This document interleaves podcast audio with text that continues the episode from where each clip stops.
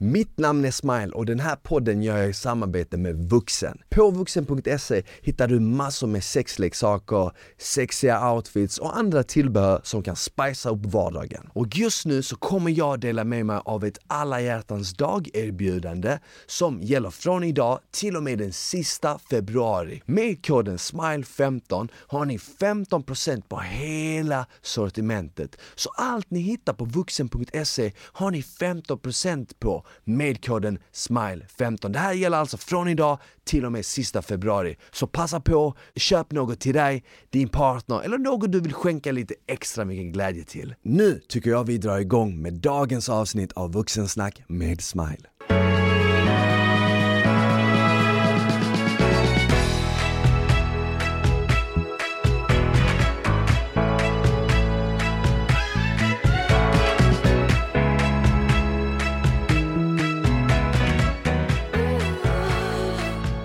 Och välkomna tillbaka till ett nytt avsnitt av Vuxensnack med Smile. Hoppas det är bra med er.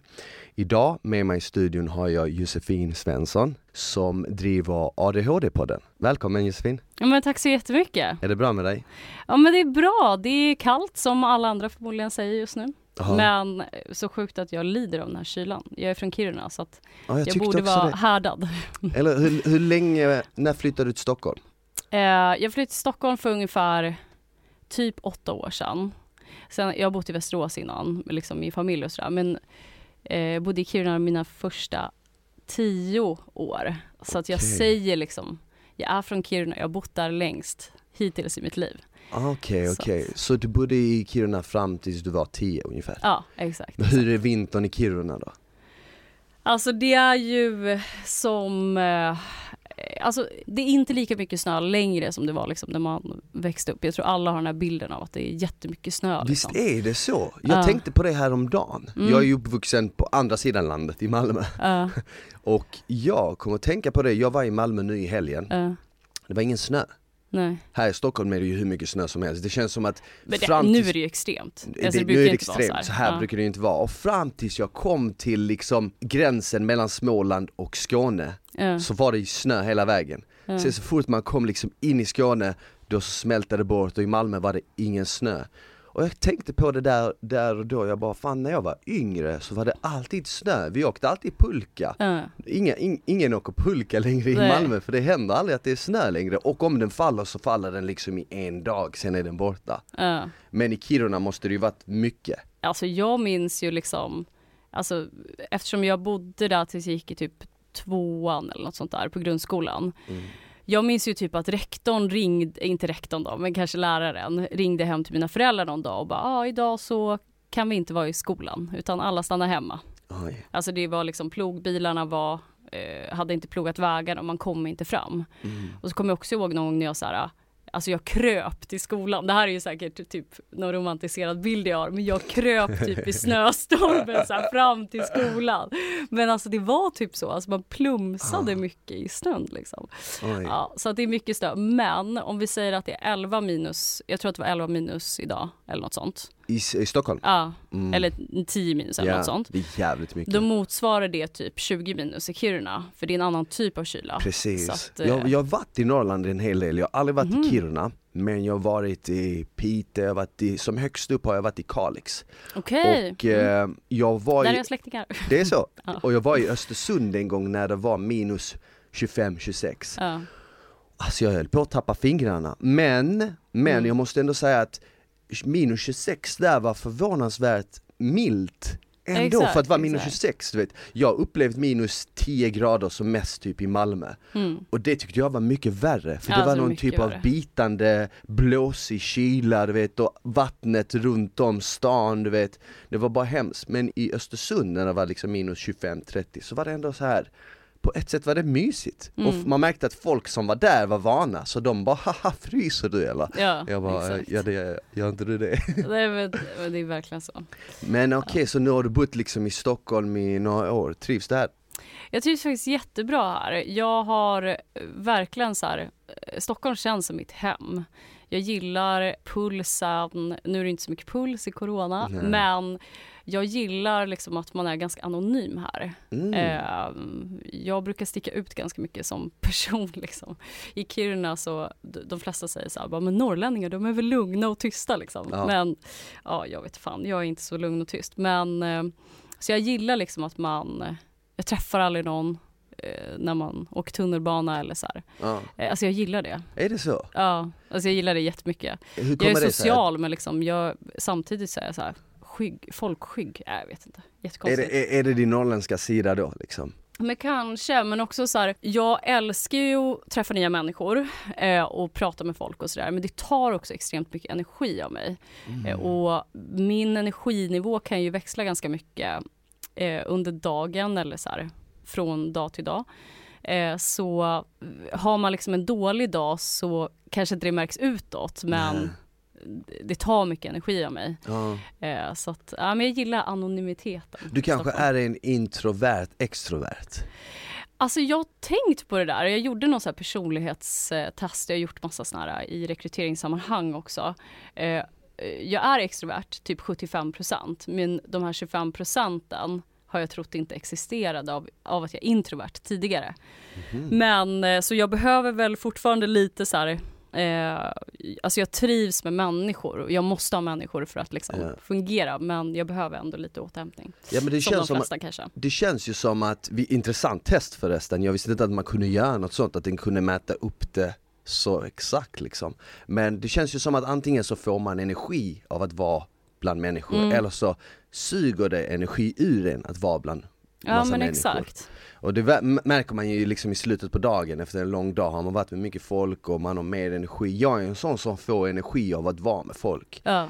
Ehm, och jag känner att jag tappar liksom energi om jag inte träffar någon. Mm. Men jag- gud hur är det för dig i corona? Liksom? Ja men nu har det varit lugnt ändå för att jag har jobbat hemifrån Mm. med min kollega och sen så har jag ju ändå poddat, haft Mm. matgäster, eh, man har varit och tränat med någon vän, så man har ändå liksom träffat folk så här. Mm. Och jag har klarat mig väldigt bra um, ur coronan och eh, på så sätt har jag ändå fått den här liksom dosen. Men det som är lite segt är att jag önskar ju att man kunde resa någonstans för jag hade jättegärna velat resa typ Ja. en vecka nu för att få lite sol och lite värme. Ja. Det är skönt på vintern men nu är det liksom februari så snart kommer väl, eh, snart kommer väl värmen Lite ändå. värme, förhoppningsvis. Du driver ju ADHD-podden. Mm. Hur kom du in på den? Eh, jag startade podden, liksom idén föddes egentligen 2015 när jag fick min ADHD-diagnos. Så att jag blev diagnostiserad med ADHD när jag var 23, vilket är ganska sent. Och eh, precis efter då när jag hade fått diagnosen så började ju som väldigt många andra som får diagnos i liksom vuxen ålder att söka information. Vad är det här? Stämmer det här verkligen? Jag typ ifrågasatte ju läkaren och psykologerna flera gånger och bara, nej men jag har inte ADHD. Jag visste egentligen ingenting om. ADHD. Utan det jag visste var väl egentligen det som de flesta kanske har som uppfattning om ADHD. Att det är de här bråkiga eh, killarna i klassen som typ välter bänkar eller typ eh, inte kan koncentrera sig och bara Aah! Och eh, ja men så jag började söka information om det och tyckte väl, alltså jag hittade bara så extremexempel. Antingen så hittade jag liksom framgångsstories, typ artister eller så här, konstnärer, skådespelare bara ADHD är min superkraft. Och eh, ja, det var ena sidan. Eller så hittade jag liksom information om så här, ADHD leder till kriminalitet, missbruk och så vidare och så vidare. Du bara oj, Ehm. jag måste göra ett val här. Ja men exakt.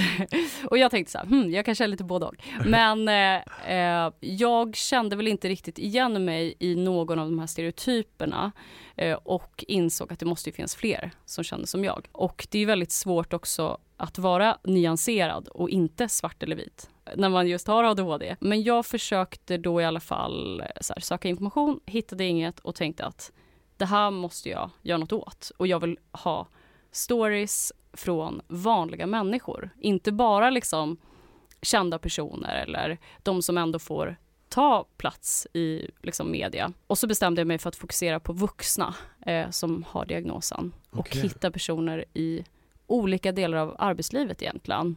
Eh, så allt ifrån, jag pratar med en läkare som har ADHD.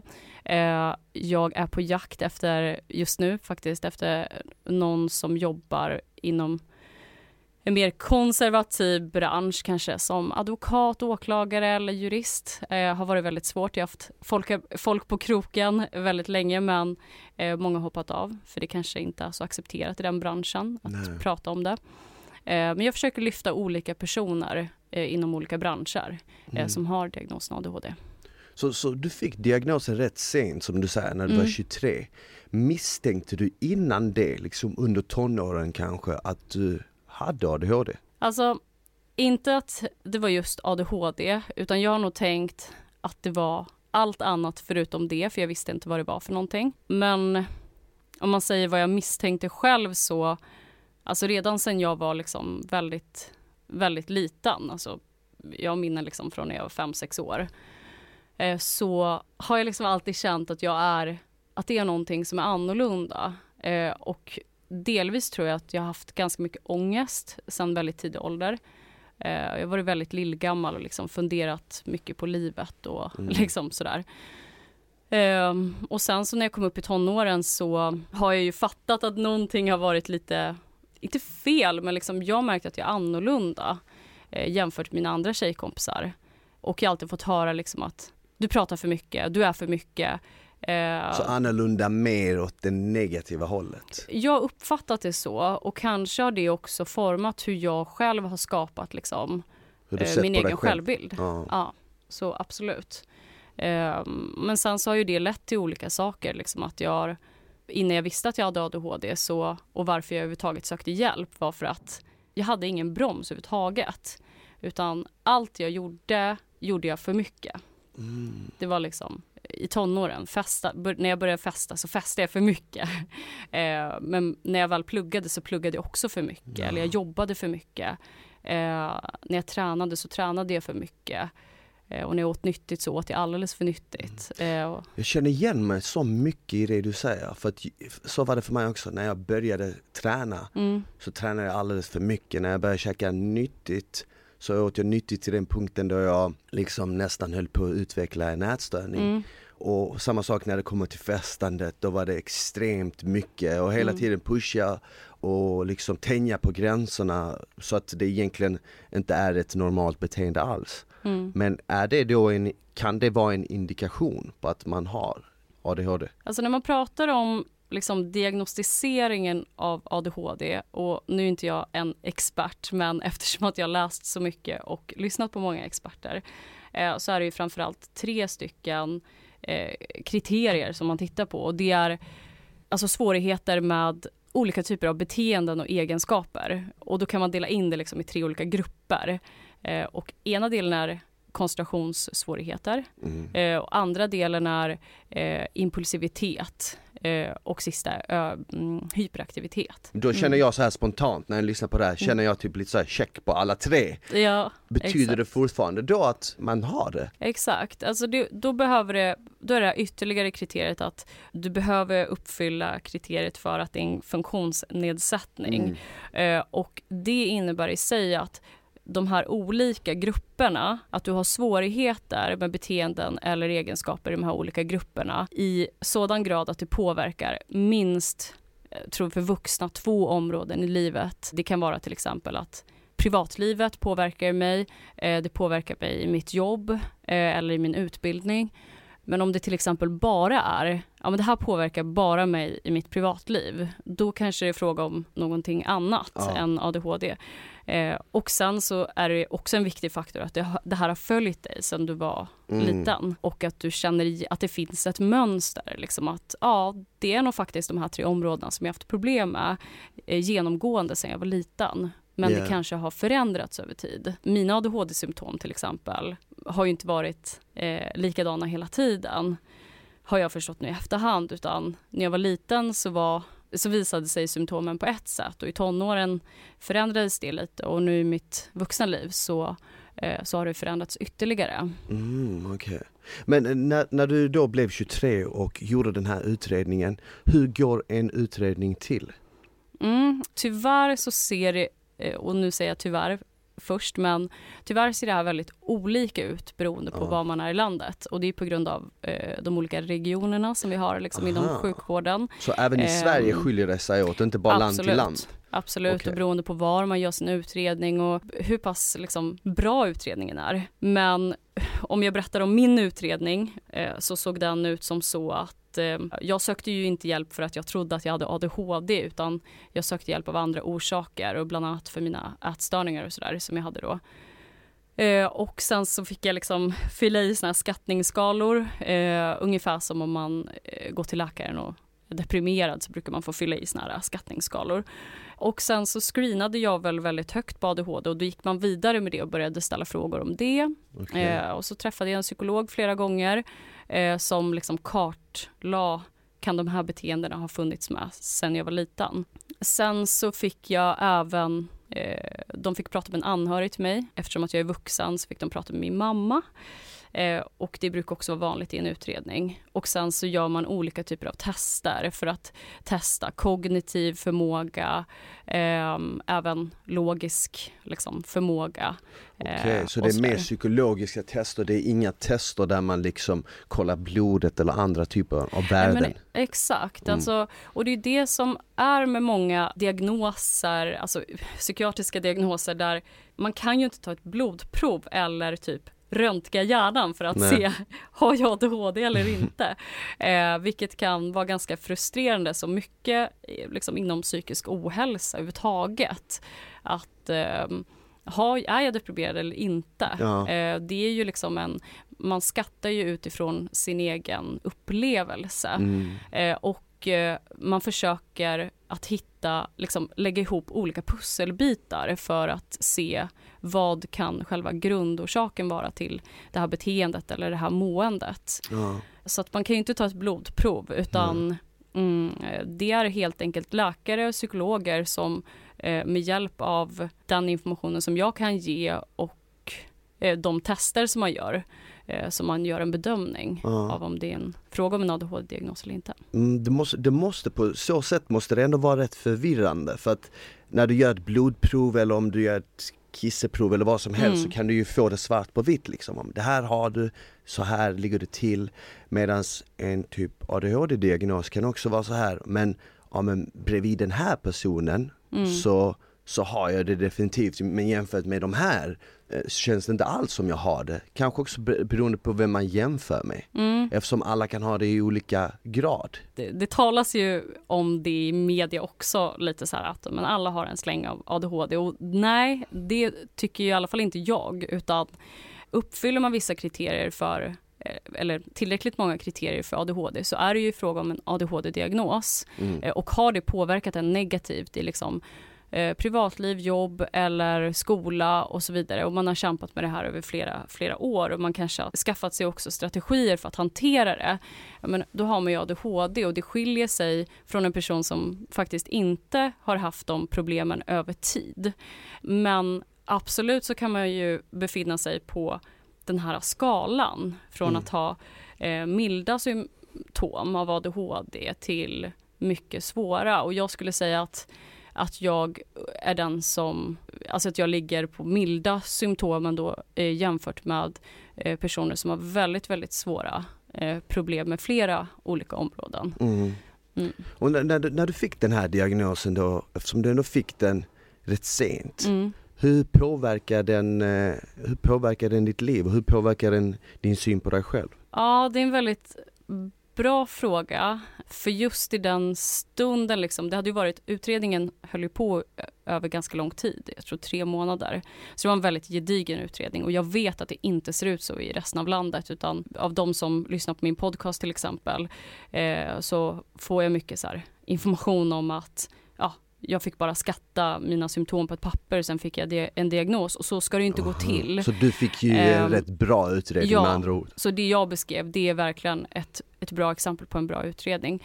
Men när jag fick liksom pappret på att ja, men du uppfyller kriterierna för ADHD och eh, det på grund av XYZ så var jag ju ganska så här, jaha, så är jag korkad eller? Det var det första jag tänkte. För det var typ fördomen du hade om det. Ja, absolut. Så det tänkte jag och sen så tänkte jag okej, det är alltså mycket värre än vad jag trodde. Jag har fattat att det är något fel på mig. Men jag har alltså någonting fel. Alltså det var det första jag, jag tänkte. Och mina fördomar kring det på grund av min liksom, bristande kunskap. Samtidigt så fick jag ju också en förklaring. Alltså, jag har inte inbillat mig. Jag har faktiskt svårare med vissa saker än andra. Och det blir ju som en typ av tröst. Mm. För att jag har ju inte förstått varför det har känts som att jag har behövt kämpa lite hårdare med vissa saker eh, och behövt bromsa mig själv och jag har liksom inte fattat varför Eh, hur kan det vara så självklart att borsta håret och liksom eh, borsta tänderna för mina tjejkompisar? De är alltid så här, alltså, har koll på läget och liksom. Mm. Medan för mig så är det verkligen så här, jag måste komma ihåg att borsta håret. Ja, ja, ja. Jättedåligt exempel, men Det var liksom en lättnad över att du fick det förklarat för dig. Okej den här känslan jag har gått och burit på eller de här tankarna Mm.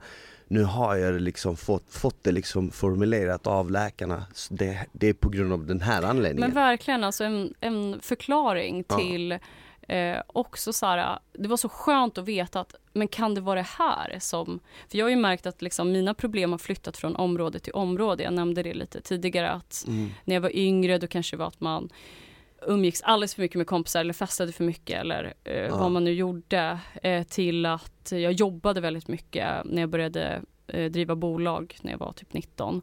Och det som alltid har förföljt mig är ju den här rastlösheten. Alltså det har liksom, det har kliat. Det är som att det kliar i hjärnan.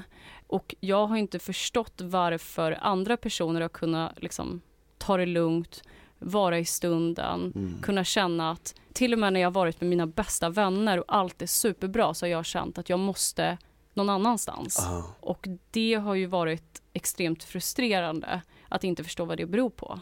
Eh, Och jag tror, jag tror att det är jättevanligt idag. Speciellt idag nu 2021 liksom med hur stor del sociala medier är Mm. av vårt liv och att det hela tiden vill liksom sno vår uppmärksamhet och hela tiden Exakt. vill ha vårt fokus. Så blir det liksom även när man sitter där med sin bästa vän eller sina föräldrar eller vem man nu är med och man borde egentligen vara i stunden. Man Mm. kanske kika på den finaste utsikten man någonsin har sett så kan man ändå inte låta bli att ta upp telefonen och istället behöva visa mm. och vara med alla andra som följer en och liksom dela med Exakt. sig av allt istället för att kanske bara vara Så det känns ju som att alla de här nya apparna gör det ännu svårare för kanske någon som har ADHD och även de som inte har det att, att behålla fokus och vara där i stunden. Så det där tror jag är jätte, jättevanligt. Eh, vad fick du för reaktion av andra när du sa liksom efter du hade fått diagnosen att jag har Mm. ADHD? För du själv hade lite fördomar om det. Eh, Du tänkte ju själv, vadå är jag dum eller vad, är det något fel med mig? eh. Ha, var deras reaktion densamma? Nej, alltså mina föräldrar var ju så här. Ja, fast så där har hon ju alltid varit liksom. Min mamma är norrlänning och så här. Men sen har väl de också förstått och som min pappa till exempel att jag tror att han har börjat förstå att han själv kanske har Mm. symptom av ADHD. Jag vet att han har ADHD, men han förnekar det fortfarande. Men det är ju eh, väldigt ärftligt. Men mina kompisar, de var ju så här, alltså de har ju alltid skämt om att jag har damp liksom, när vi var yngre. Och eh, jag vet att en av mina absolut bästa vänner, hon var ju så här, men gud, är jag korkad? Det är klart att du har det. Alltså det är som att någonting är för nära så man har inte förstått. Bara, ja, det är klart du har det. Och här har vi gått och så här, köpt eh, typ någon avslappningsmassage i present för att vi har tänkt att det bara är stress. Men eh, det är klart att det är det. Så det, det var nog ganska självklart tror jag för många i min omgivning. Liksom. Mm. Och när man liksom har fått en utredning och fått diagnosen, börjar man med medicin med detsamma? Eh, Det är också lite olika. Eh, I mitt fall så, så börjar det med att man behöver gå en, det kallas psykoedukation eh, tror jag. Alltså att man utbildas om diagnosen för att förstå Okej. vad är det för någonting, hur påverkar det? Och man tar också med en anhörig som kan vara med och jag hade med min pojkvän till exempel. Och sen så börjar man med eh, eh, läkemedelsbehandling. Sen behöver man ju inte välja det, men det är rekommendationen idag att man ska eh, börja med läkemedelsbehandling. Sen så är ju det, läkemedelsbehandlingen är en del av liksom mm, många andra behandlingsalternativ som man ska bli erbjuden. Okej. Eh, sen så tror jag att det ser väldigt olika ut beroende på var man befinner sig och eh, Och ja, det, det kanske såg annorlunda Resurser. ut 2015 jämfört med idag? Det tror jag absolut. Ja. Och I synnerhet när psykiatrin är så pass belastad som den är idag. Ja. Eh, och att eh, det finns framförallt väldigt många som, eh, som får vänta i flera år på att få hjälp Mm. eh, för sina problem. Eh, Läkemedelsbehandling är en sak, sen så finns det ju andra delar. KBT kan hjälpa i vissa fall för att eh, kanske förändra beteenden. Eh, jag har gått i så här ACT eh, terapi, så mindfulness blandat med typ, eh, lite så KBT också. Mm. Ehm, för att lära sig att hantera liksom sina känslor Ja. och intryck och sådär. För någonting som jag får höra väldigt ofta av vänner som liksom har ADHD det är att ja, men medicinen liksom gör mig trött, medicinen gör mig seg, slö i huvudet. Man hör oftast väldigt negativt om ADHD-medicin. Okej, ja. Är det också någonting som varierar från person till person? Ja, jättemycket. det kanske finns en rad olika mediciner och vissa är bättre än andra Ja. helt enkelt.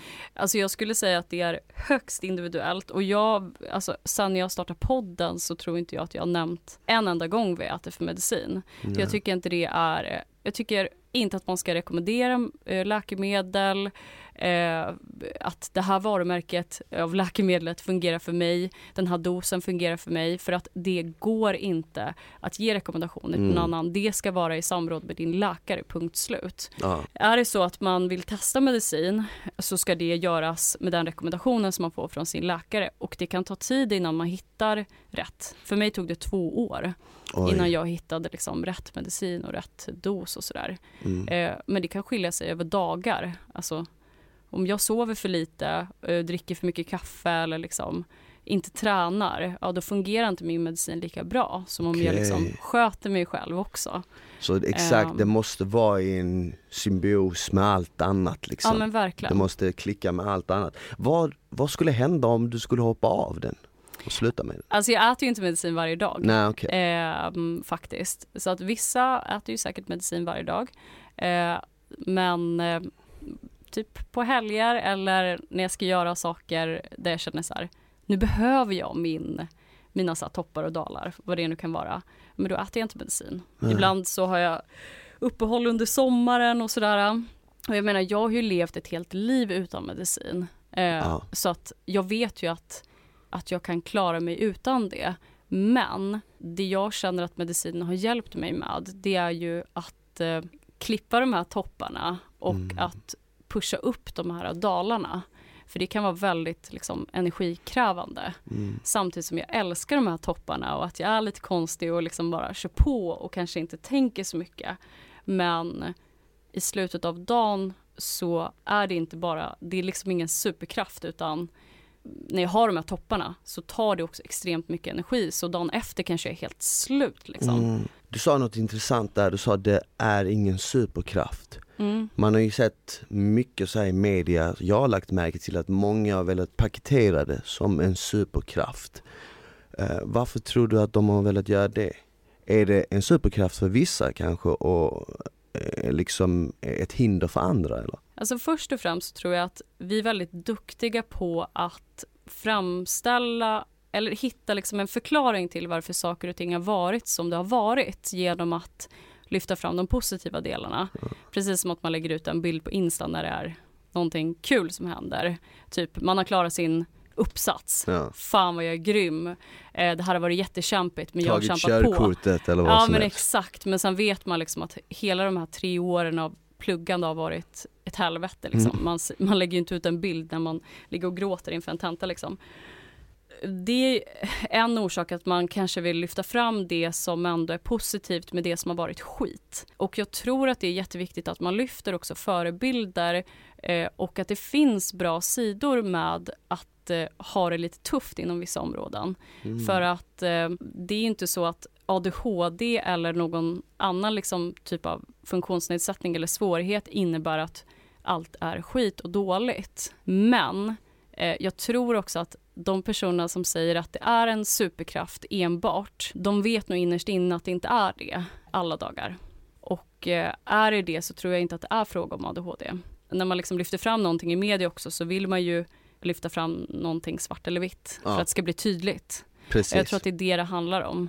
Eh, Exakt, man behöver liksom de här vinnarhistorierna och du ja, vet de här exakt. Eh, guld och gröna skogarna. Eller så behöver man totalt motsatsen och Mm. kaos. Nej, man kan inte ha ett exakt. mittemellan för det säljer inte så mycket. Nej men exakt, och så här, som när man pratar om framgångar, liksom, eh, det är bara att lyssna på alla sommarprat. Eh, det är ju först när det har gått svinbra som superentreprenörerna träder fram och berättar om vad som har gått dåligt. Ja, det är inte så att precis. man mitt i en kris berättar om att eh, man är i en konkurs. Ja. Och det kanske är lite liknande att man kanske kan träda fram och berätta sin story om att saker och ting har varit jobbigt först när man har lyckats med någonting. Och det tycker jag är lite synd för att, och också därför jag startade podden, för att jag ville lyfta fram liksom, de här vanliga människorna där man Mm. är just nu. Ja. Att det kanske inte funkar just nu. Ja. Hur många är det då i landet? Har du några siffror på det eller någon statistik? För jag minns när jag var yngre, då var det inte så mycket prat om eh, ADHD. Jag Mm. växte upp i Malmö under liksom början på 90-talet. Jag är född 90 så under liksom så här början på 90-talet, 2000-talet, Mm. då var det inte så mycket snack om ADHD. Det Mm. var, jag visste ingen som hade det liksom. Men nu i efterhand, nu när du har berättat de olika liksom indikationerna på att man kanske har det så känns det som att typ hela jävla klassen hade det. alltså när jag tänker på min klass och när jag tänker på hur jag betedde mig. Koncentrationssvårigheter hade jag definitivt i skolan Mm. till den punkten att jag liksom blev flyttad till en annan klass Mm. och liksom fick sitta med dem för att jag bara inte kunde hålla käften.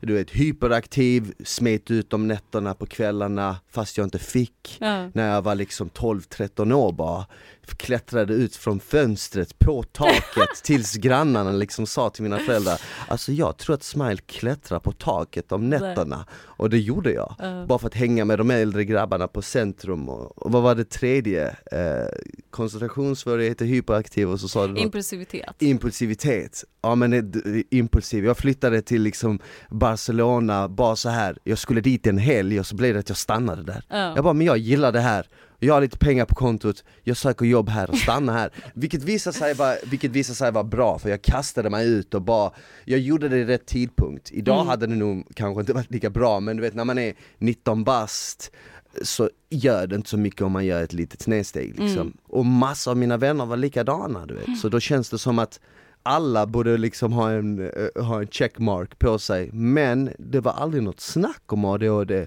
Fast idag så känns det som att det är en term som alla bara slänger ut hur som helst. Mm. Jag har det, jag har det. Nästan att jag får en känsla, jag som liksom tittar på det utifrån, får en känsla av att det är nästan någonting man gärna vill skylta med Mm. och någonting man gärna vill dra som en ursäkt när någon säger men kan du inte bara ta det här, nej men jag kan inte, jag har ADHD. Mm. Eller?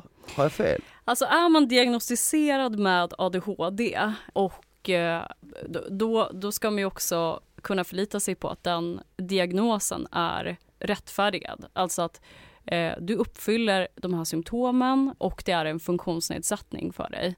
Då har man förmodligen eh, de här problemen också. Och sen så att så många liksom du uppfattar att så många slänger sig med att de har ADHD.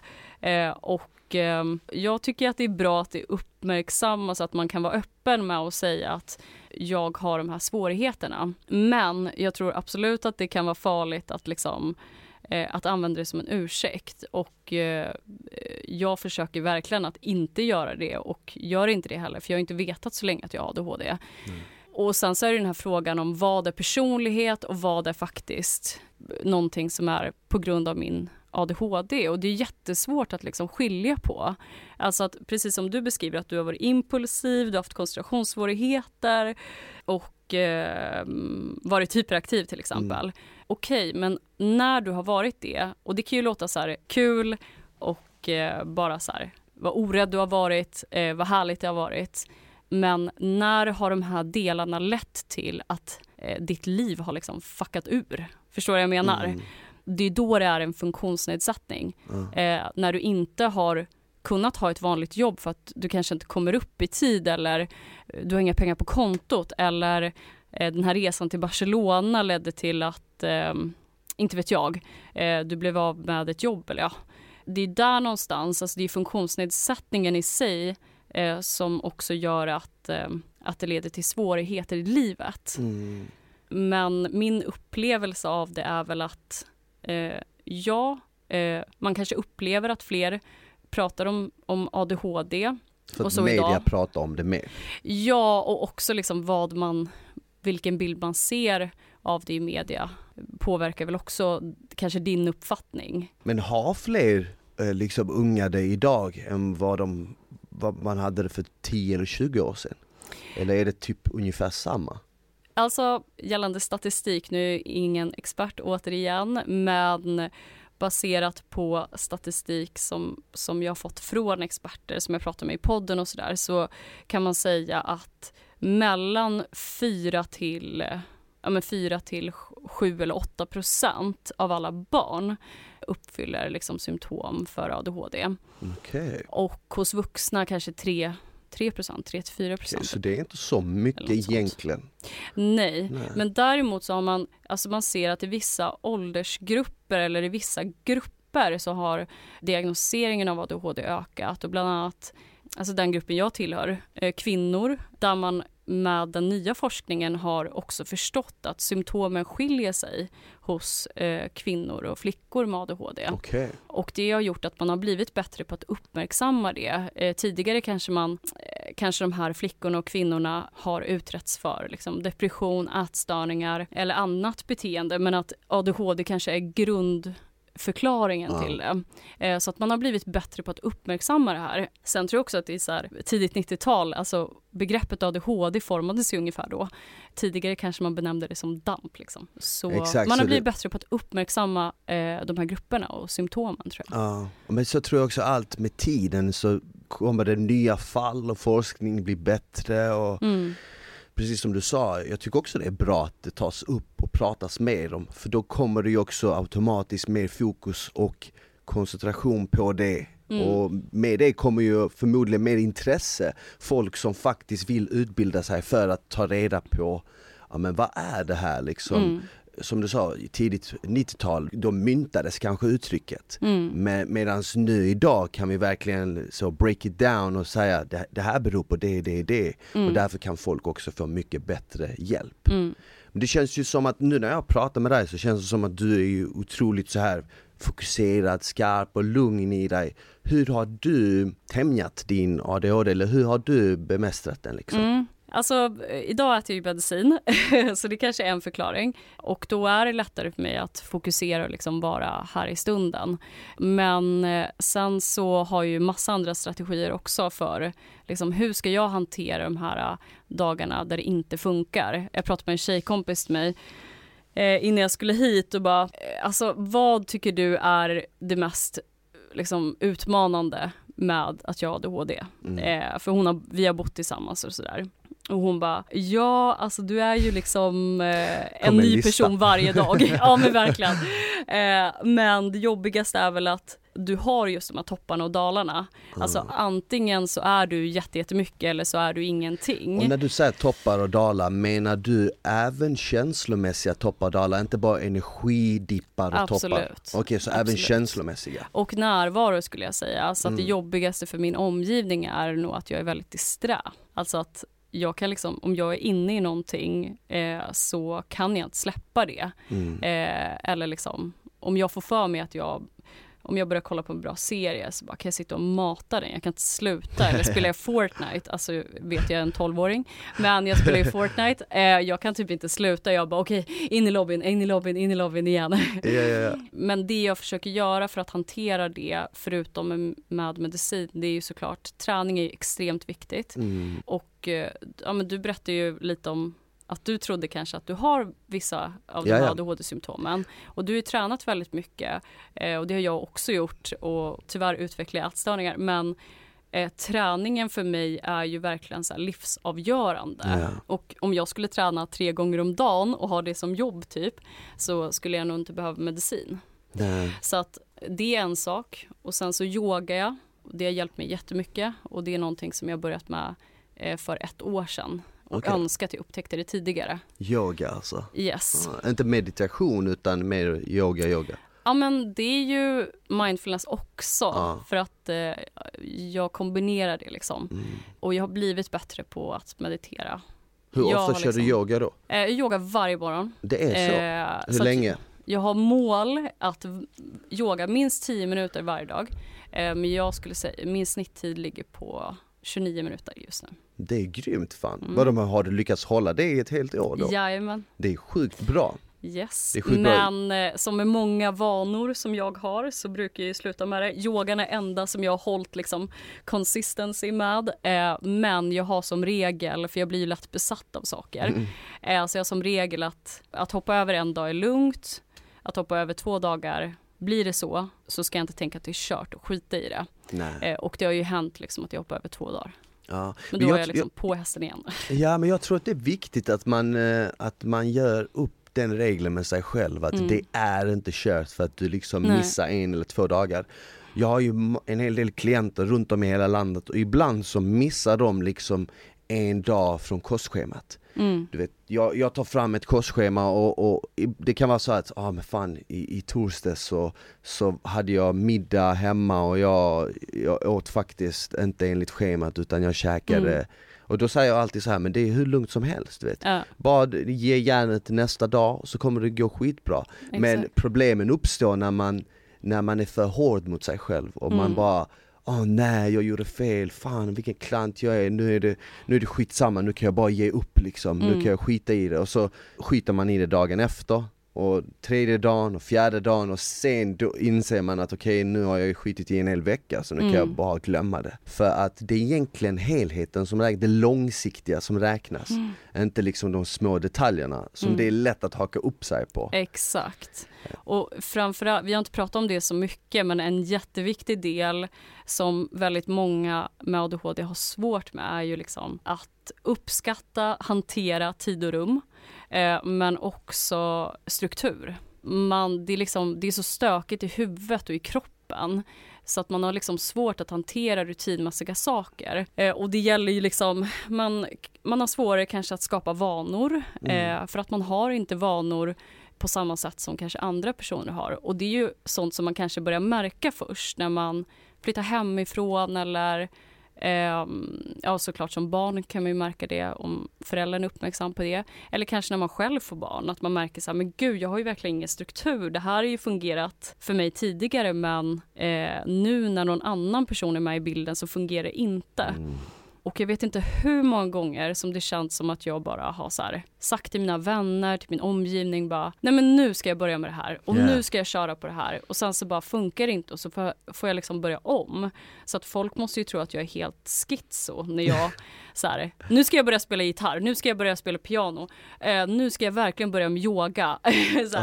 men jag, Så- tror, jag tror det är en klassiker, jag menar förra, nu, nu har det varit nyår nyligen, men jag minns förra nyår Eh, så var ett av mina nyårslöften att jag skulle börja på yoga, mm. det var det faktiskt Är det sant? Ja, ja. och Mm. jag och gick ner till gymmet, det var sån här hot mojo yoga Mm. Jag gick ner till gymmet och fick en riktigt dålig upplevelse av yogan och gick aldrig tillbaka Är det sant? Ja, så jag bröt mitt nyårslöfte liksom efter en, en dag. Men Mm. det som var nice var att jag testade det och det var inte min grej heller. Mm. Så jag började istället meditera. Mm. Och jag ska vara helt ärlig, jag har inte lyckats hålla det varje dag. Jag försöker så mycket jag kan. Mm. Men jag började meditera liksom en kvart varje morgon. Det Mm. kändes mer min grej än att liksom ta mig till gymmet, köra yoga i en timme och allt vad det innebar. Mm. Du vet.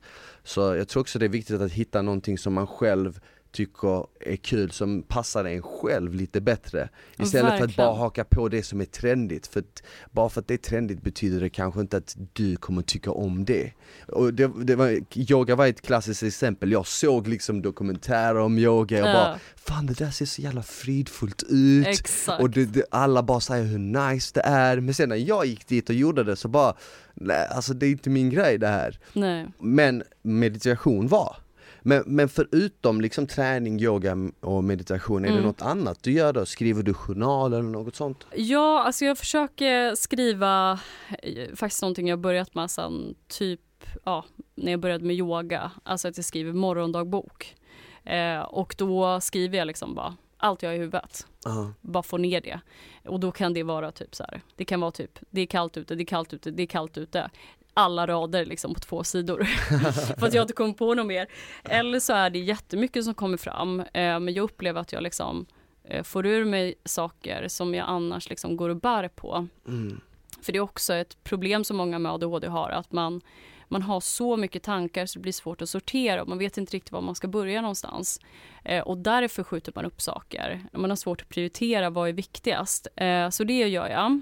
Eh, sen så försöker jag, ja men såklart, kalender är jätte, jätteviktigt för mig. Eh, direkt om jag bestämmer någonting så lägger jag in det direkt. Mm.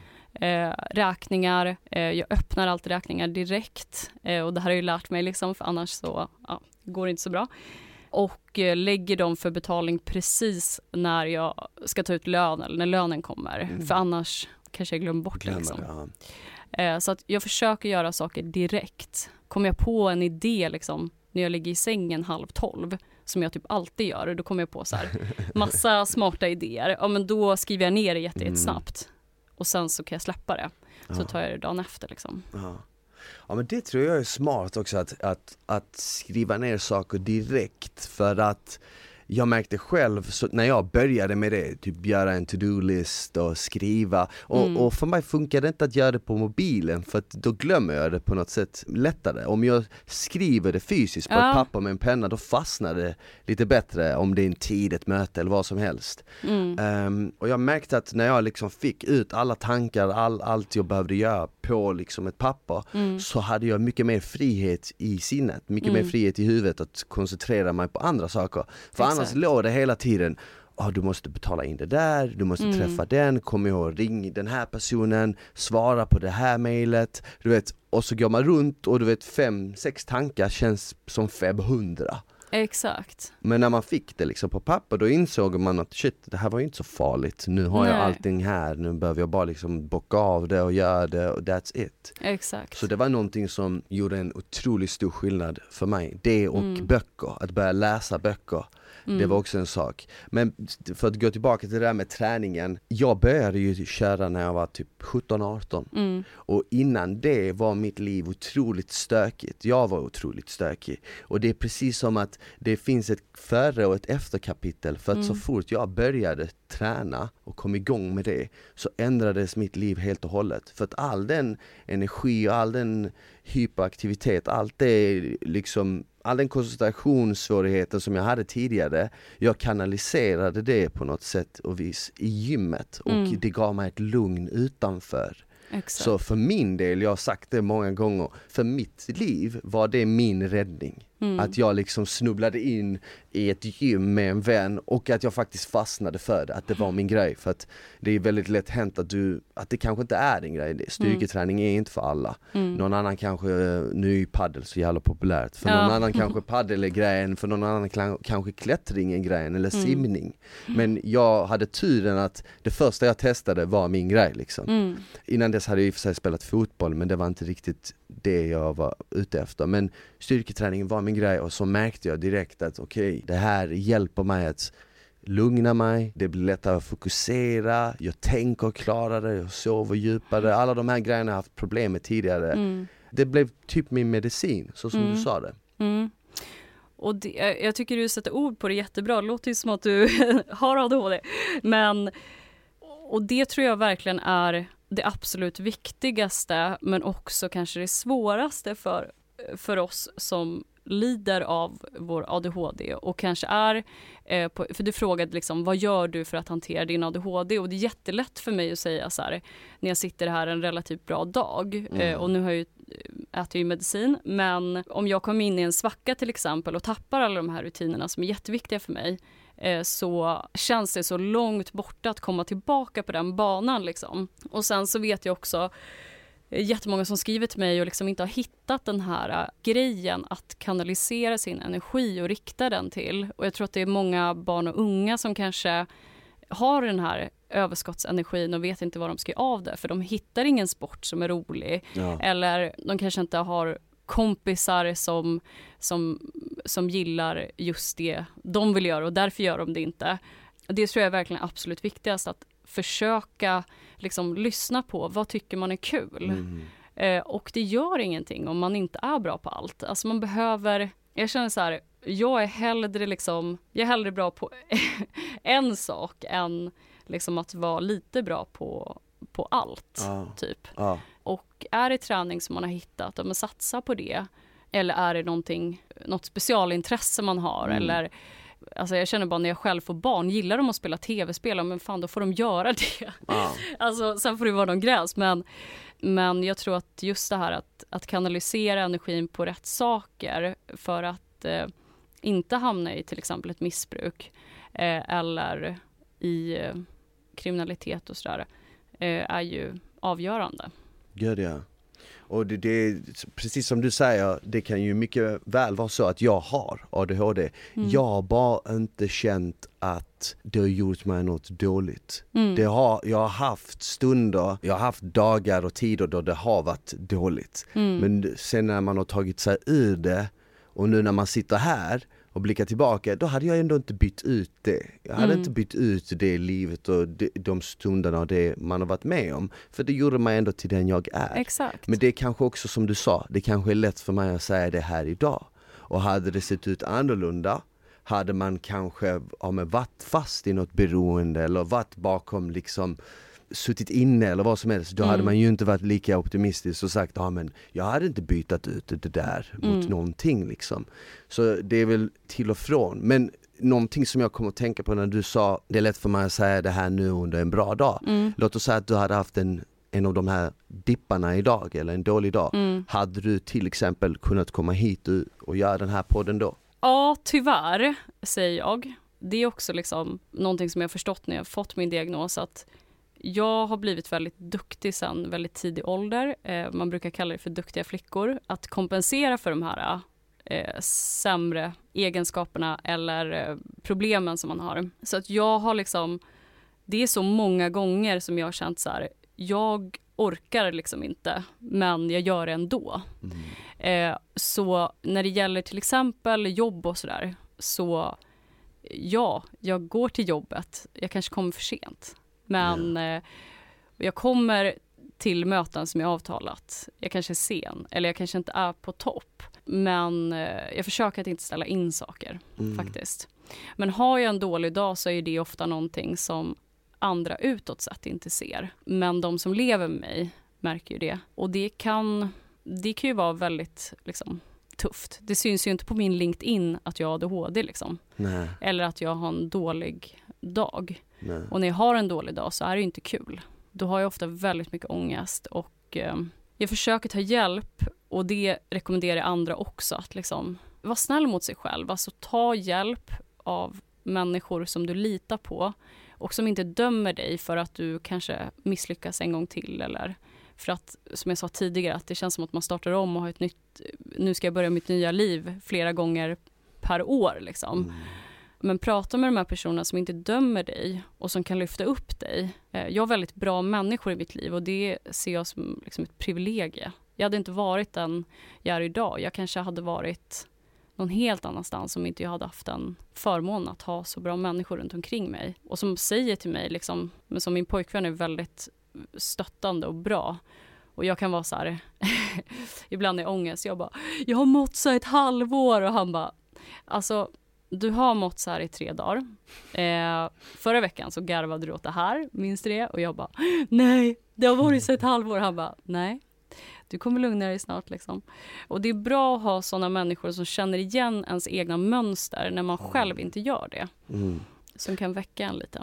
Så det är, ja, det är viktigt att ha bra människor runt om sig, helt Mm. enkelt. Och prata om det liksom. Ja. Och det tänker jag också på många vuxna. Vi har inte pratat om det så mycket men tidigare så, så trodde man ju att det är bara barn som har ADHD. Att symptomen växer bort ungefär. Och så kan det till viss del vara att du, kan, du har hittat sätt att hantera det när du är vuxen. Precis som du med träningen till Ja. exempel. Nu är det som att jag utgår ifrån att du har ADHD men Ja. Eh, att, Det man hittar liksom, att man hittar strategier för det helt enkelt. Eh, men det kan ju även följa med dig när du är vuxen och visa sig på andra sätt när man är vuxen.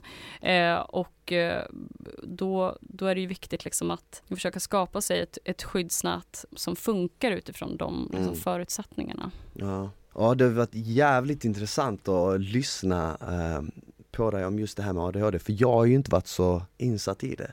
Jag har haft väldigt många så här genuint nyfikna frågor för att, Mm, för att det är ju ett ämne som eh, dyker upp allt mer mm, i medier Och det känns ju som att det är något som är här för att stanna liksom. Och det, det är någonting som vi måste lära oss leva med och lära oss liksom att förstå mycket bättre. Mm. Och inte vara så dömande gentemot. Um, så det har varit um, otroligt kul att ha det här just Ja, nu. men jättekul och jag tycker att det är jätteviktigt att det tas upp.